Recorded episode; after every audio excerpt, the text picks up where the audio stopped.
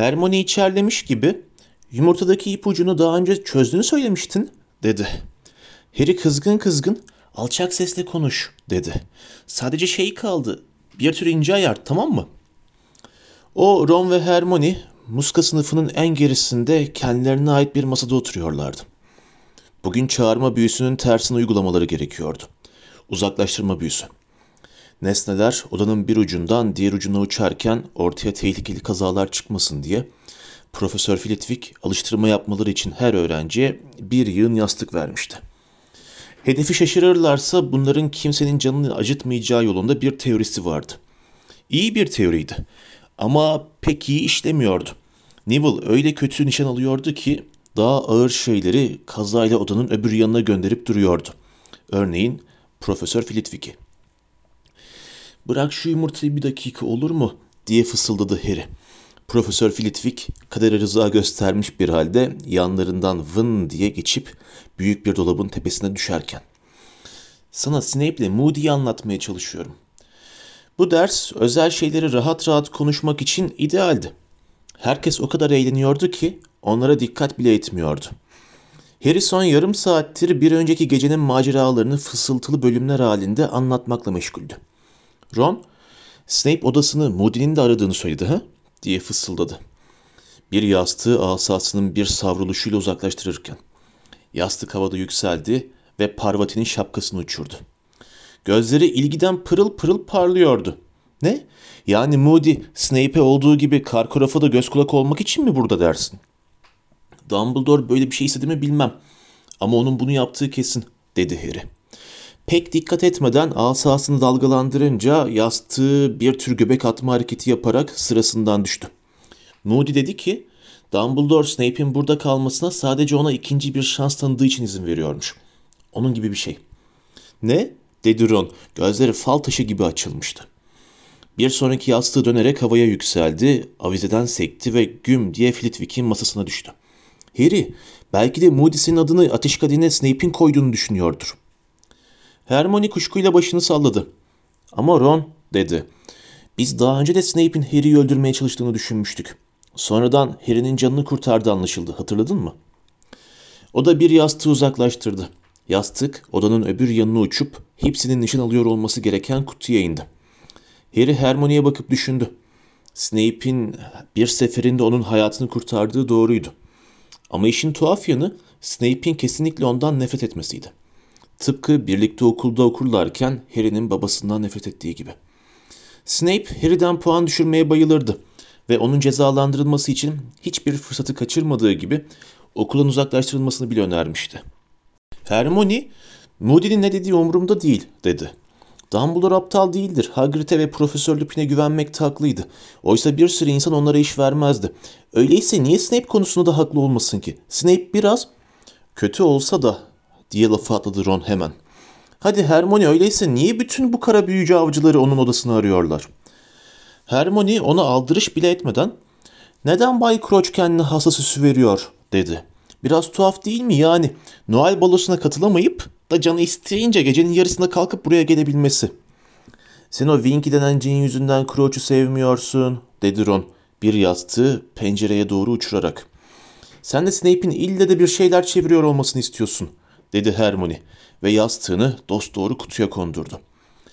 Harry kararlı bir şekilde bense kendisine ikinci bir şans verildiğine göre Snape'in ilk şansıyla ne yaptığını bilmek istiyorum, dedi. Yastığı onu çok şaşırtarak dost doğru odanın karşı tarafına uçtu ve tam Hermione'ninkinin üstüne düştü. Sirius'un Hogwarts'taki her sıra dışı olayı bilme isteğine boyun eğen Harry, o gece ona kahverengi bir baykuşla mektup gönderip Bay Crouch'un Snape'in odasına gizlice girişini ve Moody ile Snape'in konuşmasını anlattı. Sonra da bütün dikkatini karşısındaki en acil soruna çevirdi. Şubat'ın 24'ünde bir saat süreyle nasıl suyun altında kalmalı? Ron yeniden çağırma büyüsü kullanma fikrinden yanaydı. Harry ona dalgıçlık aygıtlarından bahsetmişti. Ron da neden en yakın Muggle kentinden bir tane çağırmasın diye düşünüyordu. Hermione bu planı bozdu. Harry'nin görev süresi olan bir saat içinde bu aygıtı çalıştırmayı öğrenebilse bile uluslararası büyücülük sırları yönetmeliğine karşı geldiği için kesinlikle diskalifiye edileceğini söyledi. kırların üstüne uçarak son hızla Hogwarts'a giden bir dalgıçlık aygıtını hiçbir muggle'ın görmeyeceğini ummak da biraz fazlaydı doğrusu. Hermione, tabii ideal çözüm senin biçim değiştirerek bir denizaltıya falan dönüşmen olurdu, dedi. Keşke insan biçim değiştirmelerini işlemiş olsaydık. Ama bunları 6. yıldan önce başlamıyoruz ve eğer ne yaptığını bilmiyorsan sonuçları gerçekten kötü olabilir. Evet başımdan çıkan bir periskopla ortada dolaşmak istemem dedi Harry. Tabii en olmadı Moody'nin önünde birine saldırabilirim herhalde. Benim yerime biçim değiştirme işini o halledebilir. Hermione ciddi ciddi neye dönüşeceğini seçmene izin vermez bence dedi. Hayır bence senin işine en çok yarayacak şey bir tür büyü. Böylece kütüphanede ona neredeyse ömür boyu yetecek kadar vakit geçirdiğini düşünen Harry bir kez daha tozlu ciltler arasına gömüldü. İnsanın oksijensiz hayatta kalmasını sağlayacak bir büyü aradı. Ama o, Ron ve Hermione öğle yemeği saatlerinde, akşamları ve hafta sonları hiç durmadan araştırdıkları halde Harry'nin bir saati su altında geçirip sonra da yaşadıklarını anlatabilmesini mümkün kılacak hiçbir şey bulamadılar. Üstelik de Harry, Profesör McGonagall'dan kısıtlı bölümü kullanmak için yazılı izin aldığı, hatta çabucak sinirlenen akbaba kılıklı kütüphaneci Madame Finch'ten yardım istediği halde. Artık o bildik panik hissi Harry'i yine rahatsız etmeye başlamıştı. Sınıfta konsantre olmakta yine zorlanıyordu. O güne kadar sadece arazideki yerlerden biri gözüyle baktığı göl, şimdi ne zaman bir sınıf penceresi önüne gelse gözlerini mıknatıs gibi çekiyordu. Karanlık ve buzu derinlikleri ona ay kadar uzak görünmeye başlayan büyük, demir grisi bir soğuk su kütlesi. Tıpkı boynuz kuyruğun karşısına çıkmadan önce olduğu gibi zaman hızla akıp gidiyordu sanki. Sanki birisi çok daha büyük bir hızla çalışsınlar diye saatleri büyülemişti. 24 Şubat'a bir hafta kalmıştı. Hala vakti vardı. Beş gün kalmıştı. Çok geçmeden bir şey bulacaktı elbet. Üç gün kalmıştı. Ne olur bir şeyler bulayım ne olur. İki gün kalınca Harry'nin boğazından yine yemek geçmemeye başladı. Pazartesi günkü kahvaltının tek iyi yanı Sirius'a gönderdiği kahverengi baykuşun geri dönmesiydi. Parşömeni çekip aldı ve açtı. Bu Sirius'un ona yazdığı en kısa mektuptu. Bundan sonraki ilk Hogsmeade hafta sonu izninin tarihini bana aynı baykuşla bildir. Harry parşömeni çevirip başka bir şeyler bulma umuduyla arkasına baktı. Ama boştu. Notu Harry'nin omzuna okumuş olan Hermione, bundan sonraki bir, hafta, bir sonraki hafta sonu diye fısıldadı. İşte tüy kalemimi al ve bu baykuşu hemen geri gönder. Harry tarihi Sirius'un mektubunun arkasına yazdı. Kahverengi baykuşun bacağına bağladı ve onun yeniden havalanarak gitmesini izledi. Ne bekliyordu ki? Su altında sağ kalma ilişkin bir tavsiye mi? Sirius'a Snape ve Moody'yi anlatmayı kafasına öyle takmıştı ki yumurtadaki ipucundan söz etmeyi tamamen unutmuştu. Bir sonraki Hogsmeade hafta sonu izni niye öğrenmek istiyor ki? diye sordu Ron. Harry keyifsiz bir sesle bilmiyorum dedi. Baykuşu görünce içinde parlayan anlık mutluluk ölüp gitmişti. Gel hadi sihirli yaratıkların bakımı. Artık patlar uçlu kelekerleri telafi etmeye çalıştığı için mi? Zaten kala kala iki keleker kaldığı için mi yoksa Profesör Gruplu Plank'in yaptığı her şeyi kendisinin de yapabileceğini kanıtlama amacıyla mı bilinmez.'' Hagrid işine döndüğünden beri dört tek boynuzlu atla derslerini sürdürüyordu. Onun tek boynuzlu atlar hakkında da neredeyse canavarlar hakkında olduğu kadar bilgi sahibi olduğu anlaşıldı. Ama zehirli dişleri olmamasına hayal kırıklığı yaratan bir şey gözüyle baktı, her halinden belliydi. Bugün nasıl yaptıysa iki tane tek boynuzlu tay yakalamayı başarmıştı. Yetişkin tek boynuzlu atların aksine baştan aşağı altındılar. Parvati ve Lavender onları görünce sevinçten kendilerinden geçtiler. Hatta Pansy Perkins'ın bile onlardan ne kadar hoşlandığını gizlemekte zorluk çekti. Hagrid sınıfa onları fark etmek yetişkinleri fark etmekten kolay dedi. İki yaşında falanken gümüşe dönüşüyorlar. Dört yaş civarında da boynuzları çıkıyor. Tamamen büyüyünceye kadar bembeyaz olmuyorlar. Yani yedi yaşına kadar falan. Bebekken daha fazla güven duyarlar. Erkek çocuklara pek aldırmazlar. Hadi gelin biraz. İstiyorsanız okşayın. Onlara şu kesim şekerlerden verin biraz. Sen iyi misin Harry? dedi Hagrid. Ötekilerin çoğu bebek tek boynuzlu atların çevresine üşüşmüşken bir kenara çekilerek. Evet dedi Harry. Heyecan var galiba dedi Hagrid. Biraz dedi Harry. Harry dedi Hagrid. Omzuna muazzam elini koyunca Harry'nin dizleri taşıdığı ağırlığın altında büküldü. Senin boynuz kuyruğun hakkından gelişini görmeden önce kaygılıydım. Ama şimdi kafana koydun. Her şeyi yapabileceğini biliyorum. Hiç mi hiç kaygım yok. Becereceksin. İpucunu çözdün değil mi? Harry evet anlamında başını salladı ama daha sallarken bile bir saat gölün dibinde nasıl sağ kalacağı konusunda hiçbir fikri olmadığını itiraf etme yolunda çılgınca bir arzuya kapıldı. Başını kaldırıp Hagrid'e baktı. Belki de orada yaşayan canavarlarla ilgilenmek için göle girmesi gerekiyordu bazen. Okul arazisindeki her şeye o bakıyordu nasılsa. Kazanacaksın diyor homurdandı Hagrid. Harry'nin omzuna yine bir şaplak atarak. Harry yumuşak toprağa resmen birkaç santim gömüldüğünü hissetti. Biliyorum, hissedebiliyorum. Kazanacaksın Harry. Hagrid'in yüzündeki o mutlu, güvenli gülümsemeyi silmeye Harry'nin içi el vermedi. Genç tek boynuzlu atlarla ilgileniyormuş gibi yaparak zorla gülümsedi ve diğerleriyle birlikte atları okşamak için öne doğru yürüdü. İkinci görevden önceki akşam Harry kendini bir kabusta kısılı kalmış gibi hissediyordu. Bir mucize sonucu uygun bir büyü bulsa bile bir gecede bu büyüde usalaşmasının çok çetin bir iş olacağının tamamen farkındaydı. Bunun böyle olmasına nasıl izin vermişti?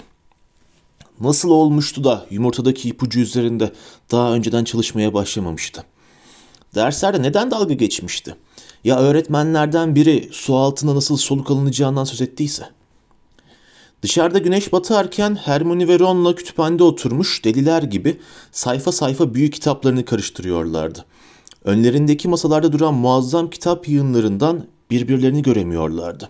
Sayfada su kelimesini her gördüğünde Harry'nin kalbi fena halde çarpıyordu. Ama bu kelimenin orada bulunuş nedeni çoğu kez şöyle bir şeydi. Bir litre su alın, 250 gram kıyılmış adam otu yaprağı, bir de keler. Ron'un sesi masanın öbür yanından cansız cansız bence yapılacak iş değil dedi. Bu konuda hiçbir şey yok, hiçbir şey. En yakın olanı su birikintileriyle gölcükleri kurutmaya yarayan o kuraklık büyüsüydü. Ama o da bir gölün sularını boşaltacak kadar güçlü değil, hem de hiç. Hermione oradaki bir mumu kendisine doğru çekerek bir şey olmalı diye mırıldandı. Gözleri öyle yorgundu ki Kadim ve Unutulmuş Sihirler ve Tılsımlar kitabının minicik harfli baskısını burnu sayfadan 2-3 santim mesafede okuyordu. Asla yerine getirilemeyecek bir görev koymazlar. Koymuşlar işte dedi Ron. Harry yarın göle git tamam mı?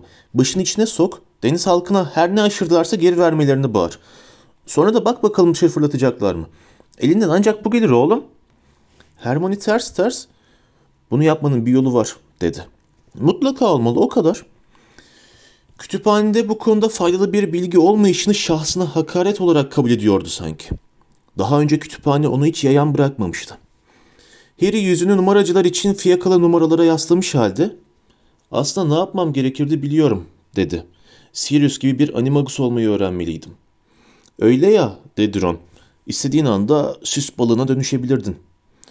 Ya da bir kurbağaya diye esnedi Harry. Bitkin düşmüştü. Hermione, animagus olmak yıllar alır. Sonra da kendi kaydettirmen falan gerekir diye belli belirsiz mırıldandı. Şimdi de acayip büyücülük çıkmazları ve çözümlerinin içindekiler bölümüne şaşı şaşı göz gezdiriyordu. Hatırlasanıza Profesör McGonagall anlatmıştı. Gidip sihrin uygunsuz kullanımı dairesine kaydolman gerekiyor. Hangi hayvan olacağını bedenindeki işaretleri yazdıracaksın. Yeteneğini kötüye kullanmayasın diye. Hermione şaka yapıyorum dedi Harry yorgun yorgun. Yarın sabaha kadar kurbağaya dönüşme şansım olmadığını biliyorum. Öf bunun hiç faydası yok dedi Hermione. Acayip büyücülük çıkmazlarını pat diye kapatarak. Burun kıllarının bukle bukle olmasını kim ister ki? Fred Weasley'nin sesi bana göre hava hoş dedi. Konuşacak bir şey olurdu değil mi? Harry, Ron ve Hermione başlarını kaldırıp baktılar. Fred ve George kitap raflarının ardında beliri vermişlerdi. Siz ikiniz burada ne yapıyorsunuz? diye sordu Ron. Sizi arıyorduk dedi George. McGonagall seni istiyor Ron. Seni de Hermione. Niye? dedi Hermione. Şaşkın görünüyordu. Bilmem ama hayli keyifsiz görünüyordu dedi Fred. Sizi onun odasına götürmemiz gerekiyor dedi George. Ron ve Hermione Harry'e baktılar. Harry içinin çekildiğini hissetti. Profesör McGonagall Ron ve Hermione'yi azarlayacak mıydı? Belki de Harry'nin görevi tek başına çözmesi gerektiği halde ona ne kadar yardım ettiklerini fark etmişti. Hermione gitmek için Ron'la birlikte kalkarken Harry'e ortak salonda görüşürüz dedi. İkisi de çok endişeli görünüyorlardı. Getirebildiğin kadar kitap getir tamam mı? Harry tedirgin tedirgin tamam dedi. Saat 8'de Madame Fins bütün lambaları söndürmüştü. Bir an önce kütüphaneden kışkışlamak için Harry'nin yanına geldi. Taşıyabildiği kadar kitabın ağırlığı altında sendeleye sendeleye yürüyen Harry, Gryffindor ortak salonuna gitti. Köşeye bir masa çekti ve araştırmasını sürdürdü. Şaşkın büyücüler için delişmen sihirlerde bir şey yoktu. Ortaçağ büyücülüğü rehberinde de 18. yüzyıl tılsımları antolojisi, derinliklerin dehşet verici sakinleri, sahip olduğunuzu asla bilmediğiniz güçler ve artık öğrendiğinize göre onlarla yapabileceğiniz şeyler de sualtı maceralarından hiç söz edilmiyordu. Crookshanks Harry'nin kucağına tırmandı ve kıvrılarak usul usul mırıldandı. Harry orada otururken ortak salon yavaş yavaş boşaldı. İnsan oranı tıp, tıpkı Hagrid'inki gibi neşeli, güven dolu seslerle ertesi sabah için şans deyip duruyordu. Belli ki hepsi ilk görevdeki gibi şaşırtıcı bir performans daha sunacağının emindi. Harry onlara cevap veremedi. Başını sallamakla yetindi.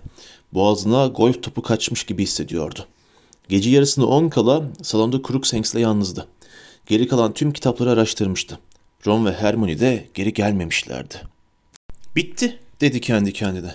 Yapamayacaksın. Sabah göle gidip jüriye söylersin olur biter. Kendini görevi yerine getiremeyeceğini açıklarken hayal etti. Bagman'ın gözlerinin fal taşı gibi açılmasını, Karkaroff'un halinden memnun sarı dişli gülümsemesini gözünün önüne getirdi. Fleur de Lecour'u duyar gibiydi. Biliyordum çok küçük o, çok küçük bir çocuk. Malfoy'un kalabalığın en önünde dandik Potter rozetini gösterişini gördü. Hagrid'in hayal kırıklığıyla inanmazlıkla dolu yüzünü gördü. Harry Crookshanks'in kucağında olduğunu unutarak birden ayağa kalktı. Crookshanks yere düşünce öfkeyle tısladı. Harry'e tiksintiyle baktı ve tüylü kuyruğunu havaya dikerek ondan uzaklaştı. Ama Harry yatakhanesine çıkmak için döner merdivene doğru telaşla gidiyordu bile. Görünmezlik pelerini alacak, yeniden kütüphaneye gidecekti. Gerekiyorsa bütün gece orada kalacaktı. 15 dakika sonra kütüphane kapısını açarken Lumos diye fısıldadı Harry. Asasının ucu ışıklı halde kitap raflarının arasında do- dolaştı. Bir sürü kitap aldı. Uğursuz büyülerle tılsımlar hakkında kitaplar. Deniz halkı ve su canavarları hakkında kitaplar. Ünlü cadılarla büyücüleri, sihirli icatları anlatan kitaplar. Su altında sağ kalmaya yakından uzaktan değinebilecek her şey. Onları masaya taşıdı. Sonra da asasından süzülen dar ışık hüzmesiyle zaman zaman saatine bakarak çalışmaya koyuldu. Sabahın biri, sabahın ikisi devam edebilmesini kendi kendine defalarca diğer kitapta, bir sonrakinde işte şu kitapta demesine borçluydu. Sınıf başkanları banyosunda asılı tablodaki deniz kızı gülüyordu. Harry onun kayasının yakınındaki kabarcıklı suda şişe mantarı gibi batıp çıkarken deniz kızı ateş okunu Harry'nin başının üstünde tutuyordu. Hain hain gel de al diye kıkırdadı. Gel hadi atla. Harry soluk soluğa yapamam dedi. Ateş okunu kapmaya çalıştı. Batmamak için çırpındı. Ver onu bana. Ama o Harry süpürgenin ucuyla böğründen dürtüp canını acıttı. Bir yandan da gülüyordu. Acıyor çekil hay. Harry Potter uyanmalı efendim. Bırak beni dürtmeyi. Dobby Harry Potter'ı dürtmeli efendim. Uyanması gerek. Harry gözlerini açtı. Hala kütüphanedeydi. Uyurken görünmezlik pelerini başından kaymıştı. Yüzü asa varsa çarede vardırın sayfalarına yapışmıştı. Doğruldu, gözlüğünü düzeltti. Parlak gün ışığında gözlerini kırpıştırdı. Harry Potter acele etmeli diye ciyakladı Dobby. İkinci görev 10 dakika sonra başlıyor ve Harry Potter 10 dakika mı? dedi Harry çatlak bir sesle. 10 10 dakika mı? Saatine baktı. Dobby haklıydı. Saat 9'u 20 geçiyordu. Harry'nin midesine taş gibi bir ağırlık çökmüştü sanki. Dobby Harry'nin kol ağzını tutup çekiştirerek ''Çabuk olun Harry Potter'' diye ciyakladı. ''Diğer şampiyonlarla birlikte gölde olmamız gerekiyor efendim.'' Harry umutsuzca ''Çok geç Dobby'' dedi. ''Görevi yerine getirmiyorum. Nasıl yapılacağını bilmiyorum.'' ''Harry Potter görevi yapacak'' diye cikledi Cin. Dobby Harry Potter'ın doğru kitabı bulamadığını biliyordu. Onun içinde Dobby onun, yer, onun yerine buldu. Ne? dedi Harry. Ama sen ikinci görevin ne olduğunu bilmiyorsun ki. Dobby biliyor efendim. Harry Potter göle inip Weasley'sini bulacak. Neyi mi neyi, neyi mi? Ve Weasley'sini deniz halkından geri alacak. Weasley ne? Sizin Weasley'niz efendim. Sizin Weasley'niz. Dobby'ye kazanı veren Weasley. Dobby şortunun üstüne giydiği çekip küçülmüş açık kahverengi kazan tutup gösterdi. Ne? diye soluğunu tuttu Harry. Ellerinde? Ron ellerinde mi? Harry Potter'ın en çok özleyeceği şey efendim diye ciyakladı Dobby. Ama bir saat sonra iş işten geçecek diye ezberden okudu Harry. Cine dehşet dolu gözlerle bakarak. Çok geç gitti. Geri dönmeyecek. Dobby ne yapacağım? Bunu yemeniz gerek efendim diye cikledi Cin. Elini şortunun cebine sokarak top gibi bir şey çıkardı. Yapışkan, grimsi, yeşil sıçan kuyrukları gibi bir şeydi bu. Göle girmeden önce efendim, galsamotu. Ne işe yarar? dedi Harry. Gözlerini dikip galsamotuna bakarak. Harry Potter'a su altında soluk aldırır efendim. Dobby, dedi Harry çılgıncasına bir endişeyle. Dinle, emin misin bundan? Dobby'nin son kez ona yardım etmeye çalışmasını pek unutamamıştı. Sonunda sağ kolu kemiksiz kalmıştı çünkü. Cin samimiyetle, Dobby çok emin efendim, dedi. Dobby'nin kulağı delik efendim. O bir evcini. Şömineleri yakıp yerleri silerken şatonun her yanını dolaşır. Dobby, Profesör McGonagall'la Profesör Moody'yi öğretmenler odasında duydu. Bir sonraki görevi konuşuyorlardı. Dobby, Harry Potter'ın vizesini kaybetmesine izin veremez. Harry'nin bütün kuşkuları silinip gitti. Fırlayıp ayağa kalkarak görünmezlik pelerini sırtından çıkardı. Çantasına tıktı. Galsamotunu kaptığı gibi cebine soktu. Sonra da peşinde Dobby ile kütüphaneden ok gibi çıktı. Kendilerini koridora atarlarken Dobby, Dobby'nin mutfakta olması gerek efendim diye ciyakladı. Dobby'nin yokluğunu anlarlar. İyi şanslar Harry Potter. Efendim iyi şanslar. Koridorda deli gibi koşup basamakları üçer üçer inerken görüşürüz Dobby diye haykırdı Harry. Giriş salonunda son dakikaya kalmış birkaç kişi vardı. Hepsi kahvaltısını bitirmiş, büyük salonu terk ediyor ve çifte meşe kapıdan çıkıp ikinci görevi izlemeye gidiyordu. Herkes ona bakıyordu. Harry yanlarından son sürat geçti. Taş merdivenden indiği sırada Colin'le Dennis Creevy'ye çarparak onları uçurdu ve ışıklı soğuk araziye çıktı. Çimenlerde paldır küldür koşarken Kasım'da ejderhaların bölmesini çevrelemiş olan oturma yerlerinin şimdi karşı kıyıya dizilmiş olduğunu gördü. Ağzına kadar dolu tribünlerin görüntüsünü aşağıdaki göle yansıyordu. Kalabalığın heyecanlı uğultusu tuhaf bir şekilde sudan yansırken Harry koşmaktan bitkin düşmüş halde gölün öbür yanındaki jüriye doğru ilerledi. Jüri üyeleri suyun kenarındaki altın rengi örtülü bir masada oturuyorlardı. Cedric, Flor ve Kurum jüri masasının yanında durmuş, Harry'nin onlara doğru koşmasını izliyorlardı. Harry çamurda kayarak durup kazayla Flor'un cübbesine de çamur sıçrattı. Ben buradayım dedi soluk soluğa. Nerede kaldın dedi patron edalı onaylamayan bir ses. Görev başlamak üzere. Harry dönüp baktı. Jüri masasında Percy Weasley oturuyordu. Bay Crouch yine gelmemişti. Harry'i gördüğü için çok rahatlamışa benzeyen Ludo Bagman, ''Hadi ama Percy'' dedi. ''Bırak da bir soluk alsın.'' Dumbledore Harry'e gülümsedi ama Karkaroff'la Maxim onu gördüklerine hiç de sevinmişe benzemiyorlardı. Bakışlarından Harry'nin gelmeyeceğini sanmış oldukları belliydi. Harry eğildi. Elleri dizlerinde soluk almaya çalıştı. Göğsünde sanki kaburgalarına bir bıçak sokulmuş hissi veren bir batma vardı. Ama bundan kurtulacak vakti yoktu. Ludo Bagman şampiyonların arasında dolaşıyor, onları 3 metrelik aralıklarla gölün kıyısına diziyordu. Harry sıranın en sonunda, kurumun hemen yanındaydı. Kurum mayo giymişti. Asasını hazır tutuyordu. Bagman Harry'i kurumun biraz daha uzağına çekerken ''Tamam mı Harry?'' diye fısıldadı. ''Ne yapacağını biliyorsun.'' ''Evet'' diye soludu Harry kaburgalarına masaj yaparken. Bagman Harry'nin omzuna çabucak sıktıktan sonra jüri masasına döndü. Dünya Kupası'nda yaptığı gibi asasını kendi gırtlağına çevirdi. Sonorus dedi ve sesi karanlık suyun öbür yanındaki tribünlerde gürledi. Evet şampiyonlarımız ikinci görev hazır. Görev ben düdük çalınca başlayacak. Onlardan alınanı geri almak için tam bir saatleri var. Öyleyse üç deyince başlayın. Bir, iki, üç. Düdük soğuk ve durgun havada tiz bir yankı yaptı. Tribünler alkış ve tezahüratla canlandı. Harry diğer şampiyonların ne yaptığına bakmadan ayakkabılarıyla çoraplarını çıkardı. Cebinden bir avuç galsamotu aldı. Ağzına tıktı ve göle girdi. Göl öyle soğuktu ki bacaklarının derisinin sanki bu buzlu su değil de ateşmiş gibi dalgalandığını hissetti. Daha derine doğru yürüdükçe ıslanan cübbesi onu aşağı çekmeye başladı. Su şimdi dizlerine kadar gelmişti. Hızla uyuşan ayakları balçıkta ve yassı kaygan taşlarda kayıyordu. Galsam otunu çiğneyebildiği hızla hatır hutur çiğniyordu. Otun pis bir kayganlığı vardı. Lastik gibiydi. Ahtapot dokunucuna benziyordu. Dondurucu su beline geldiğinde Harry durdu. Yutkundu ve bir şeylerin olmasını bekledi. Kalabalıktan kahkahalar duyuyordu ve herhangi bir sihirli güç belirtisi göstermeden göle yürürken aptala benzediğini biliyordu. Bedeninin hala kuru olan kısmı soğuktan diken diken olmuştu. Buz gibi suya yarı yarıya gömülmüştü. Acımasız bir rüzgar saçını uçuşturuyordu. Harry şiddetle titremeye başladı. Tribünlere bakmaktan kaçınıyordu. Kahkahalar gittikçe daha gürültülü bir hal alıyordu. Silterinlerin tarafından ıslıklar ve hüyolamalar da gelmeye başlamıştı. Sonra adeta bir anda Harry ağzıyla burnuna görünmez bir yastık bastırılıyormuş duygusuna kapıldı. Soluk almaya çalıştı ama başı döndü. Ciğerleri boşalmıştı. Birden boynunun iki yanında yakıcı bir ağrı hissetti. Harry ellerini boğazına götürdü. Kulaklarının hemen altında soğuk havada çırpınan iki büyük yarık hissetti. Solungaçları vardı. Durup düşünmeden ona mantıklı gelen tek şeyi yaptı. Kendini suya attı. Buz gibi göl suyunun ilk yudumu ona hayat soluğu gibi geldi. Başının dönmesi durmuştu.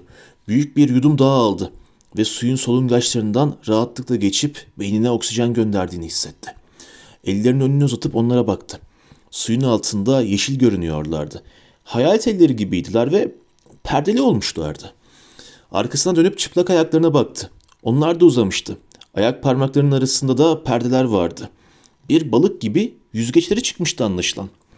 Su artık ona buz gibi gelmiyordu. Aksine hoş bir serinliği vardı ve çok hafifti. Harry bir kez daha ileri atıldı. Yüzgeç gibi ayaklarının onu suda ne hızla ne kadar uzağa götürdüğünü hayret etti. Artık net görebildiğini ve gözlerini kırpma ihtiyacı hissetmediğini fark etti. Gölde o kadar açılmıştı ki artık dibi göremiyordu. Döndü ve dibe daldı.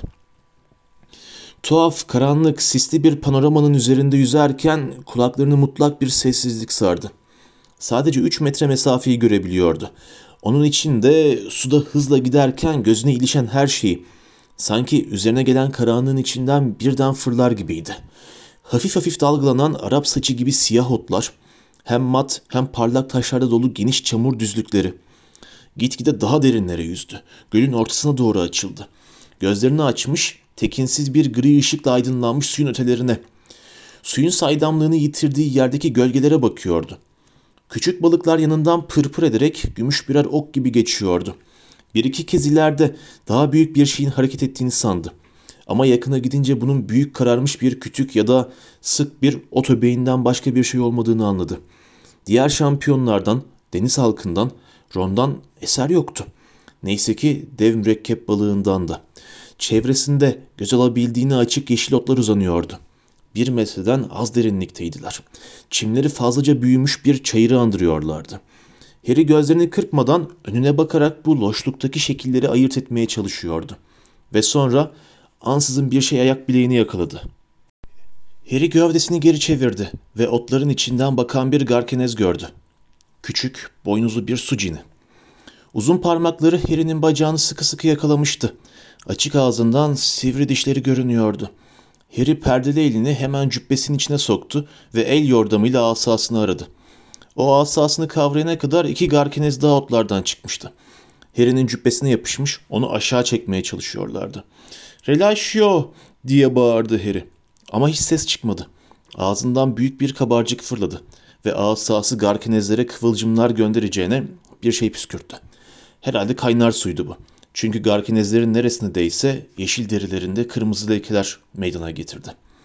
Harry ayak bileğini garkinezden kurtardı ve zaman zaman omzunun üstünden biraz daha sıcak su püskürterek elinden geldiğince hızlı yüzdü. Arada bir garkinezlerden birinin yine ayağını yakaladığını hissediyordu. Ama sıkı bir tekme atarak kurtuluyordu onlardan. Sonunda ayağı boynuzu bir kafatasına isabet etti. Geri dönünce aptallaşmış Garkinez'in gözler şaşı halde uzağa sürüklendiğini gördü. Arkadaşları ise Harry'e yumruklarını salladıktan sonra yeni notların içine gömüldüler.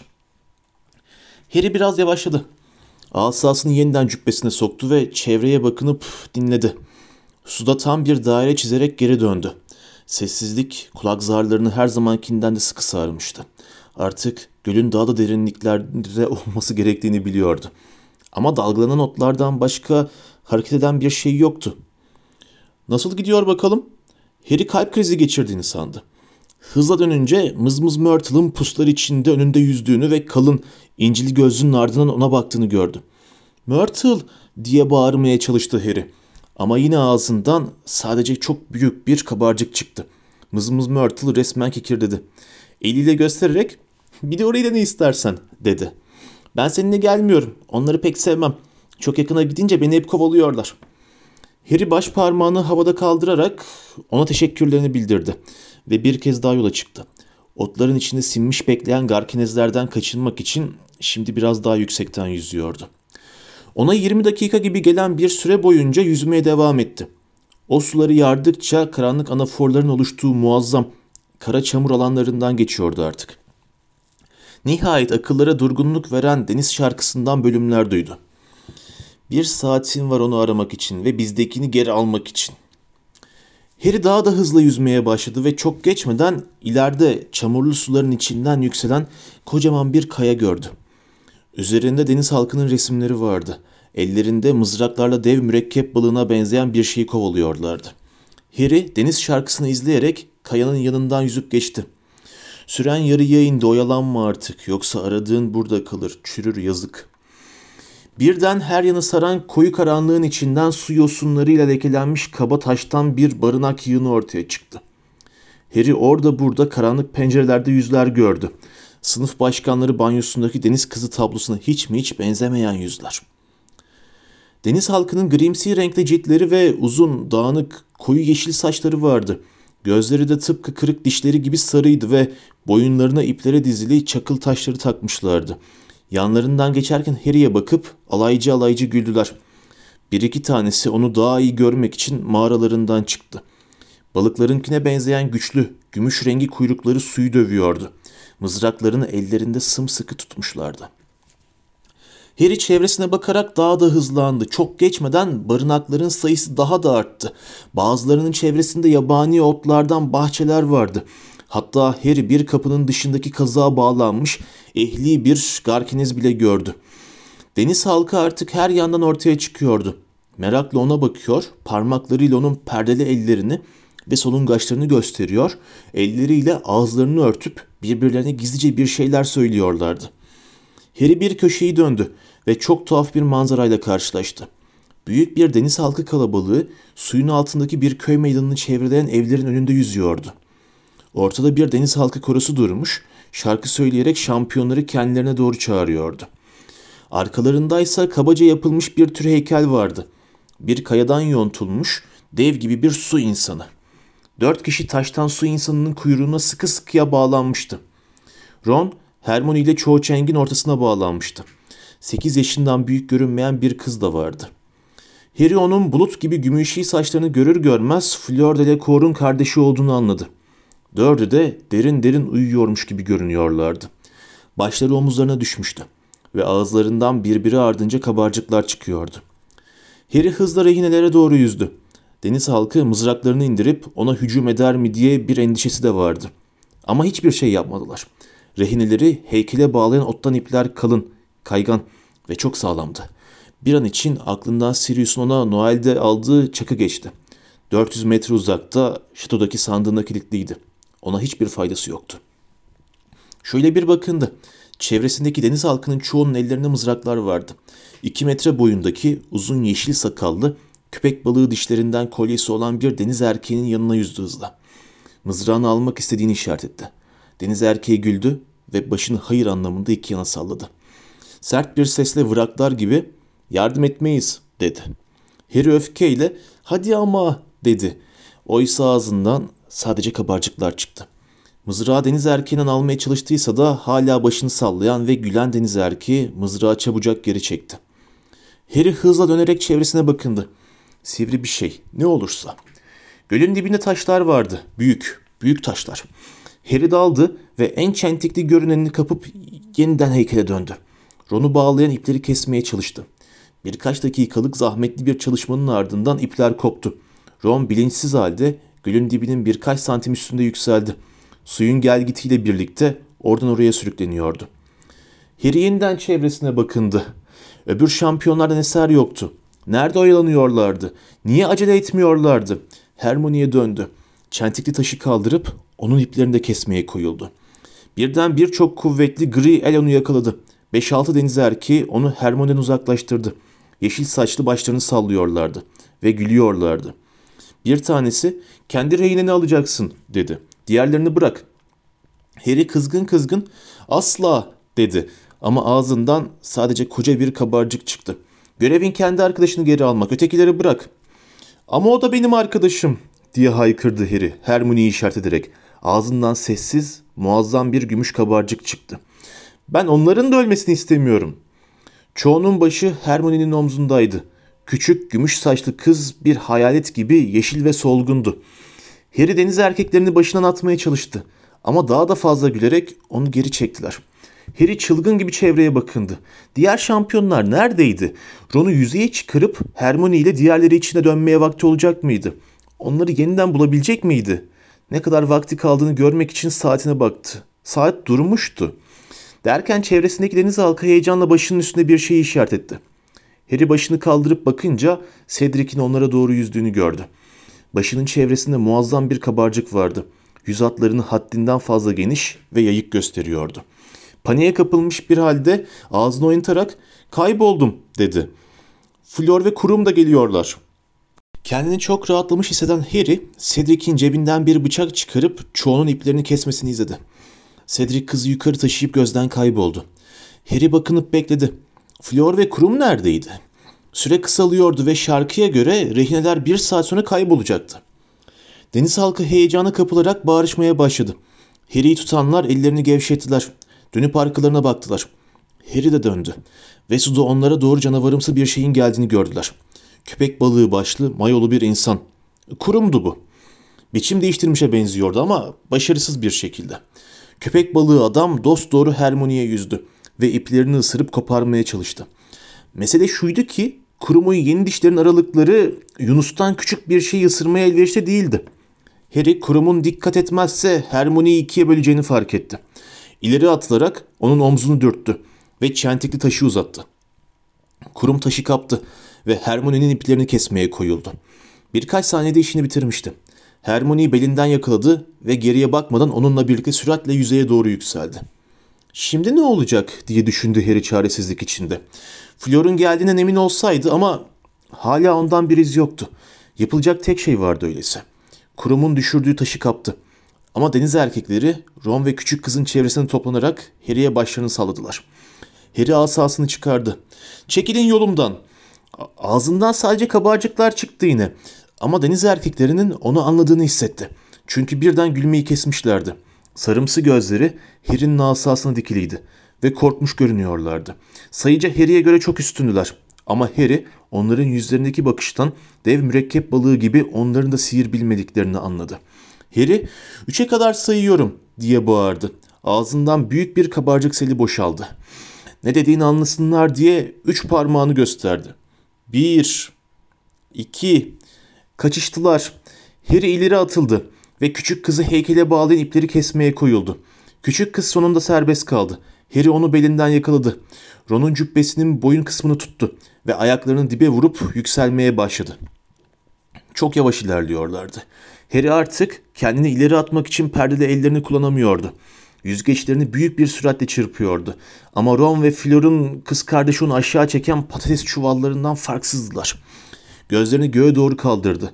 Oysa henüz çok derinlerde olması gerektiğini biliyordu. Üstündeki su öyle karanlıktı ki.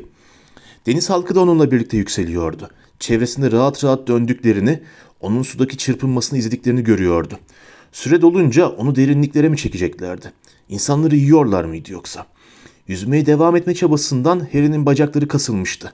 Ron'u ve kızı sürükleme çabasından omuzları fena halde ağrıyordu. Büyük bir zorlukla soluk alıyordu. Boynunun iki yanının yeni acımaya başladığını hissediyordu. Ağzındaki suyun ne kadar ıslak olduğunu fark etmeye başlamıştı. Ama karanlık da kesinlikle seyrelmeye başlamıştı. Tepede gün ışığını görebiliyordu. Yüzgeçleriyle suyu kuvvetlice dövdü ve onların artık yüzgeç değil ayak olduklarını fark etti. Ağzından ciğerlerine su doluyordu. Başı dönmeye başlamıştı. Ama ışık ve havanın sadece 3 metre yukarıda olduğunu biliyordu. Oraya varmalıydı. Varmalıydı. Harry ayaklarını öyle kuvvetle ve süratle çırptı ki kasları protesto çığlıkları attı sanki. Beyni bile suyla dolmuştu adeta. Soluk alamıyordu. Oksijene ihtiyacı vardı. Devam etmesi gerekiyordu. Duramazdı. Ve sonra başının gölün yüzeyinden çıktığını hissetti. Harika, soğuk, temiz hava ıslak yüzünü yakıyordu. Havayı yutarcasına sanki daha önce hiç solumamış gibi soludu. Ve Ron'la küçük kızı da yukarı çekti. Soluk soluğa kalmıştı. Her tarafındaki dağınık, yeşil saçlı başlar da onunla birlikte sudan çıkıyordu. Ama ona gülümsüyorlardı. Tribünlerdeki kalabalık büyük gürültü çıkarıyordu. Bağırıp haykırıyorlardı. Hepsi ayakta gibiydi. Harry onların Ron'la küçük kızın ölmüş olabileceği izlenimine kapıldıklarını düşündü. Ama yanılıyorlardı. İkisi de gözlerini açmıştı. Küçük kızın korkmuş ve kafası karışmış bir hali vardı. Ronsa büyük bir su sütunu fışkırtmakla yitirindi. Parlak ışıkta gözlerini kırpıştırdı. Harry'e döndü ve ıslak değil mi dedi. Sonra Flor'un kız kardeşini gördü. Onu niye getirdin ki? Flor görünmedi. Onu arkada bırakamazdım diye soludu Harry. Harry seni salak dedi Ron. O şarkıyı ciddiye almadın değil mi? Dumbledore hiçbirimizin boğulmasına izin vermezdi. Ama şarkıda diyordu ki o sadece görevi vaktinde tamamlamanı sağlamak içindi dedi Ron. Umarım aşağıdaki karanlık yaparak vakit kaybetmemişsindir. Harry kendini aptal gibi hissetti. Canı da sıkıldı. Ron'a göre hava hoştu tabii o uykuya dalmıştı. Her an cinayet işleyebilecekmiş gibi görünen eli mızraklı deniz halkıyla çevrili haldeyken göl dibinin ne kadar tekinsiz göründüğünün farkına varmamıştı. Harry gel dedi kısaca. Yardım et de onu götürelim. İyi yüzdüğünü sanmıyorum. Flor'un kardeşini suda sürükleyerek jürinin onları gözlediği kıyıya doğru götürdüler. 20 deniz insanı bir şeref kıtası gibi korkunç gıcırtılı şarkılarını söyleyerek onlara eşlik ediyordu. Harry Madame Pomfrey'i gördü. Hermione kurum, Cedric ve çoğunun üzerinde titriyor gibiydi. Hepsi kalın battaniyelere sarılmışlardı. Dumbledore ve Ludo Beckman kıyıda durmuş, yüzerek onlara yaklaşan Harry ve Ron'a gülümsüyorlardı. Bembeyaz kesilmiş ve bir şekilde her zamankinden genç görünen Percy ise dayanamayıp onları karşılamak için suya daldı. Bu arada Madame Maxim isteri krizi geçiriyor gibi görünen suya dönmek için var gücüyle mücadele eden Fleur de Lecour'u tutmaya çalışıyordu. Gabriel, Gabriel yaşıyor mu, yaralı mı? Harry o iyi demek istedi ama öyle yorgundu ki bağırmak bir yana konuşmakta bile güçlük çekiyordu. Percy Ron'u yakalamış kıyıya çekiyordu. Bırak beni Percy bırak bir şeyim yok. Dumbledore ve Bagman Harry'i ayağa kaldırmaya çalışıyorlardı. Fleur, Madame Maxim'in ellerinden kurtulmuş, kardeşine sarılmıştı. Gakanesler bana saldırdılar. Ah Gabriel sandım ki, sandım ki. Sen gel bakayım buraya dedi Madame Pomfrey. Harry'i yakaladığı gibi Hermione ile diğerlerinin yanına çekti. Elindeki battaniye ile onu öyle sıkı sardı ki Harry kendini deli gömleği giymiş gibi hissetti. Madame Pomfrey onun boğazının aşağı çok sıcak bir iksir boşalttı. Harry'nin kulaklarından dumanlar çıktı. Hermione, Harry aferin sana diye bağırdı. Başardın. Nasıl başaracağını kendi başına buldun. Doğrusu diye başladı Harry. Ona Dobby'yi anlatırdı ama tam o sırada Karkaroff'un kendisini gözlediğini fark etti. Masadan ayrılmayan tek jüri üyesi oydu. Harry ve Ron'la Fleur'un kız kardeşi sağ salim geri döndüler diye memnun olmuş ve içi rahatlamış görünmeyen tek jüri üyesi de oydu.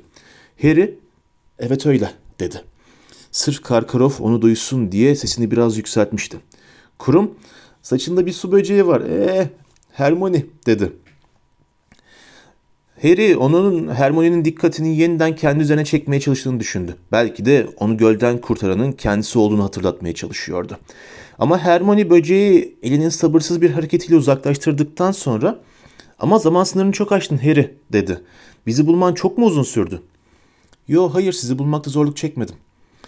Harry her an kendini daha da aptal hissediyordu. Sudan çıktıktan sonra şunu kesinlikle anlamıştı. Dumbledore'un aldığı güvenlik önlemleri sırf şampiyon gelip kurtarmadı diye bir rehinenin ölüme terk edilmesine meydan vermezdi. Neden Ron'u yakalayıp da gitmemişti sanki? Geriye ilk o dönmüş olurdu. Cedric ve kurum başkası için kaygılanarak vakit kaybetmemişlerdi. Deniz şarkısını ciddiye almamışlardı. Dumbledore suyun kenarında çömelmiş, deniz halkının reisiymiş gibi duran biriyle, çok vahşi ve yırtıcı görünen bir kadınla derin bir sohbete dalmıştı. Deniz halkının su üstünde oldukları zaman çıkardıkları gıcırtılı seslerin aynısını çıkarıyordu. Besbelli Dumbledore deniz dili konuşabiliyordu. Sonunda doğruldu. Diğer jüri üyelerine döndü ve puan vermeden önce bir toplansak iyi olacak sanırım dedi. Jüri üyeleri baş başa verdiler. Madame Pomfrey Ron'u Percy'nin pençelerinden kurtarmaya gitmişti. Onu Harry'nin yanına getirdi. Battaniye ve biberli iksir verdi. Sonra da Fleur'la kardeşini almaya gitti. Fleur'un yüzünde ve kollarında birçok kesik vardı. Cübbesi de yırtılmıştı. Ama belli ki hiç aldırmıyordu. Madame Pomfrey'nin kesikleri temizlemesine de izin vermedi. Gabriel'e bakın, dedi ona. Sonra Harry'e döndü, soluğu kesilmiş gibi. Onu kurtardın, dedi. Hem de senin reynen değildi bile. O anda keşke üç kızı da heykele bağlı halde bıraksaydım diye düşünen Harry, evet, dedi. Fleur eğildi. Harry iki yanığından da ikişer kez öptü. Harry yüzünün alev alev yandığını hissetti. Kulaklarından yine duman çıkıyor olsa şaşmazdı. Sonra da Ron'a sen de yardım ettin dedi. Evet dedi Ron son derece umutlu görünüyordu. Evet biraz. Fleur üzerine atılıp onu da öptü. Hermione çok kızmış görünüyordu. Ama tam o sırada Ludo Bakeman'ın sihirle güçlendirilmiş sesi gümledi. Hepsini yerinden sıçrattı. Tribünlerdeki kalabalığın da susmasına yol açtı. Hanımlar beyler kararımızı verdik. Deniz halkı reisi Markus bize gölün dibinde tam olarak neler olduğunu anlattı. Biz de şampiyonların her birine 50 puan üzerinden aşağıdaki puanları verdik. Bayan Flore Lecor, kabarcık kafa büyüsünü kusursuz biçimde kullandığı halde hedefine yaklaşırken Garkanezlerin saldırısına uğradı ve reyinesini kurtarmayı başaramadı. Ona 25 puan veriyoruz. Tribünlerden alkışlar duyuldu. Flor görkemli başını iki yana sallayarak sıfır hak ettim dedi boğuk bir sesle. Bay Cedric Diggory de kabarcık kafa büyüsü kullandı ve rehinesiyle geriye dönen ilk kişi oldu. Ama bir saatlik kısıtlı süreyi bir dakika aştı. Kalabalıktaki Hufflepuff'lardan muazzam bir tezahürat yükseldi. Harry çoğunun Cedric'e takdir dolu bakış attığını gördü. Bu nedenle ona 47 puan veriyoruz. Harry'nin yüreği neyinde eğer Cedric süreyi aştıysa kendisi de kesinlikle aşmış demekti. Bay Viktor Kurum her ne kadar eksik bir biçim değiştirme gerçekleştirse de bu yöntemi etkin biçimde kullandı. Rehinesiyle ikinci olarak geriye döndü. Ona 40 puan veriyoruz. Pek tepeden bakan Karkarov büyük bir coşkuyla alkışladı. Bay Harry Potter ise Galsamot'unu etkin biçimde kullandı diye devam etti Bagman. Sonuncu olarak döndü. Bir saatlik kısıtlı süreyi çok aştı. Ancak deniz halkı reisi bize Bay Potter'ın rehinelere ilk ulaşan kişi olduğunu ve dönüşündeki gecikmenin yalnızca kendisininkini değil, bütün rehineleri güvenliğe kavuşturmadaki azminden kaynaklandığını söylüyor. Ron ve Hermione Harry'e yarı kızan, yarı acıyan bakışlar attılar. Jüri üyelerinin çoğu, Bagman burada Karkaroff'a çok pis bir bakış attı. Bunun ahlaklı bir karaktere işaret ettiğini ve tam puan hak ettiğini düşünüyor. Ancak Bay Potter 45 puan aldı. Harry'nin kalbi hopladı. Cedric'le eşit puanla birinci sıradaydı. Bir an şaşıran Ron ve Hermione Harry'e baka kaldılar. Sonra da güldüler ve kalabalıkla birlikte alkışlamaya başladılar. Ron gürültünün üstünden duyulsun diye sesini yükselterek ''Buyur bakalım Harry'' dedi. ''Bak aptal değilmişsin, ahlaklı karakterin varmış.'' Fleur da heyecanla alkışlıyordu ama kurum hiç de sevinmiş görünmüyordu. Yeniden Hermione'ye yanaşarak onun dikkatini çekmeye çalıştı. Oysa Hermione Harry için sevinç naraları atmakla öyle meşguldü ki onu dinlemedi bile.